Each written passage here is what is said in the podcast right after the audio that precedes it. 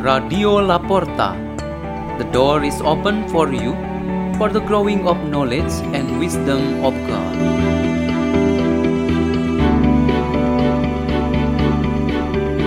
by Hadi Witanto, lay minister from the parish of St. John Bosco, Jakarta.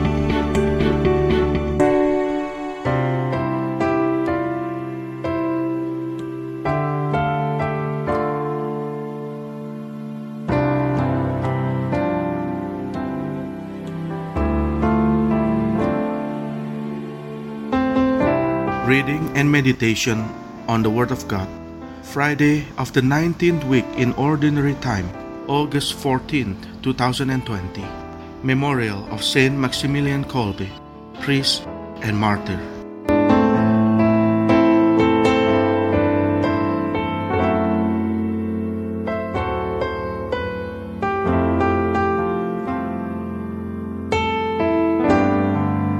Reading is taken from the Holy Gospel according to Matthew.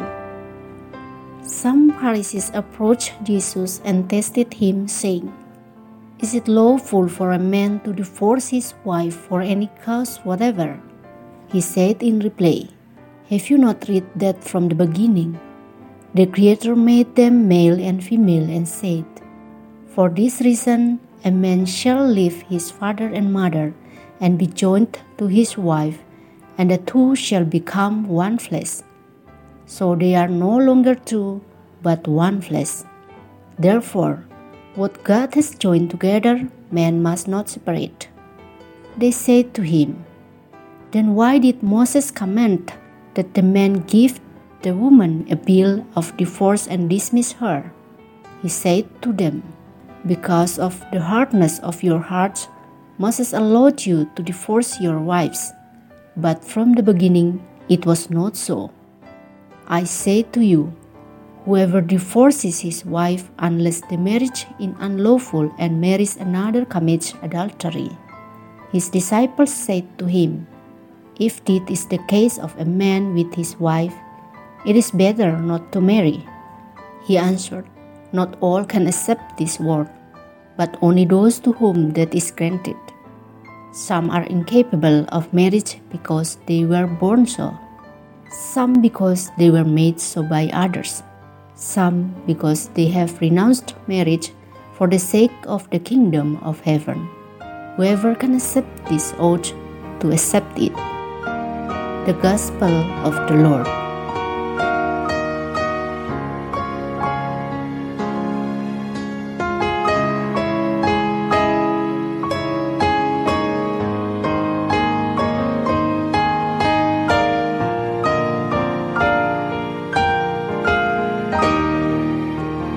Meditation today has the theme Faithful from beginning to end. Faith directs us to bind ourselves from beginning to end, our first and last commitment with God. We have a covenant with God that is once and for all times. God is eternal and His will cannot change. So, what He already established is true from beginning to end. One of the examples of the establishment from God which our gospel today proclaim is the marriage promise of a man and a woman. The basis for this promise is the creation of each according to the image and likeness of God, the Creator. Each of them was gifted with the ability to choose, to like, and to ensure who the right person to be loved. We all believe that God plays also the role to make possible this special relationship. That is why we also recognize that one soulmate is really sent by God to be a very precious gift for a man or a woman. God, through the Church, consecrates this unity of love through the ministry of the sacrament of matrimony.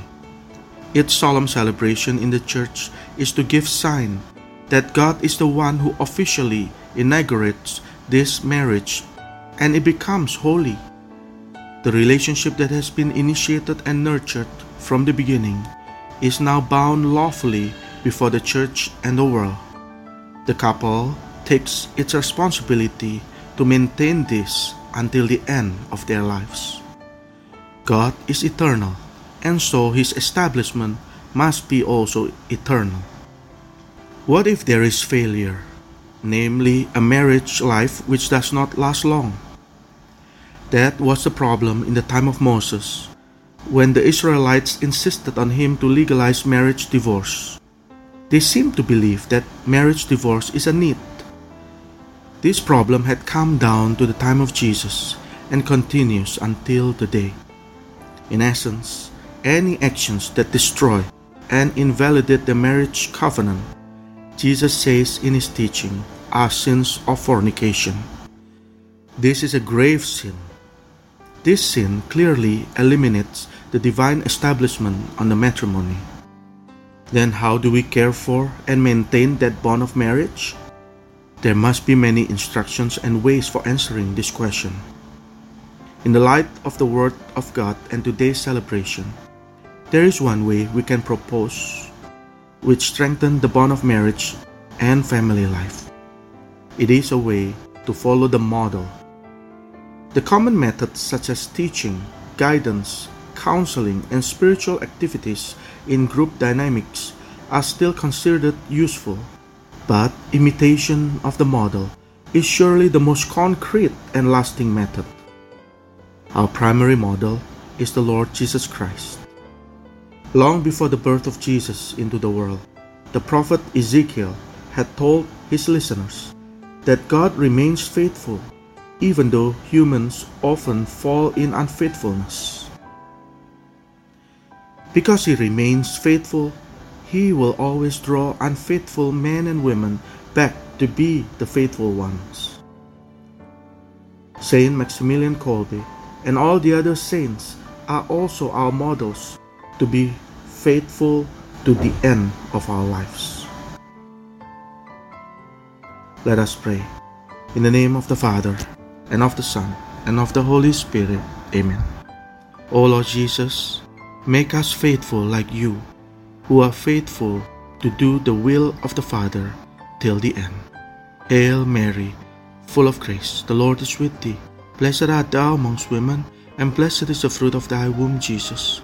Holy Mary, Mother of God, pray for us sinners, now and at the hour of our death. Amen. In the name of the Father, and of the Son, and of the Holy Spirit. Amen.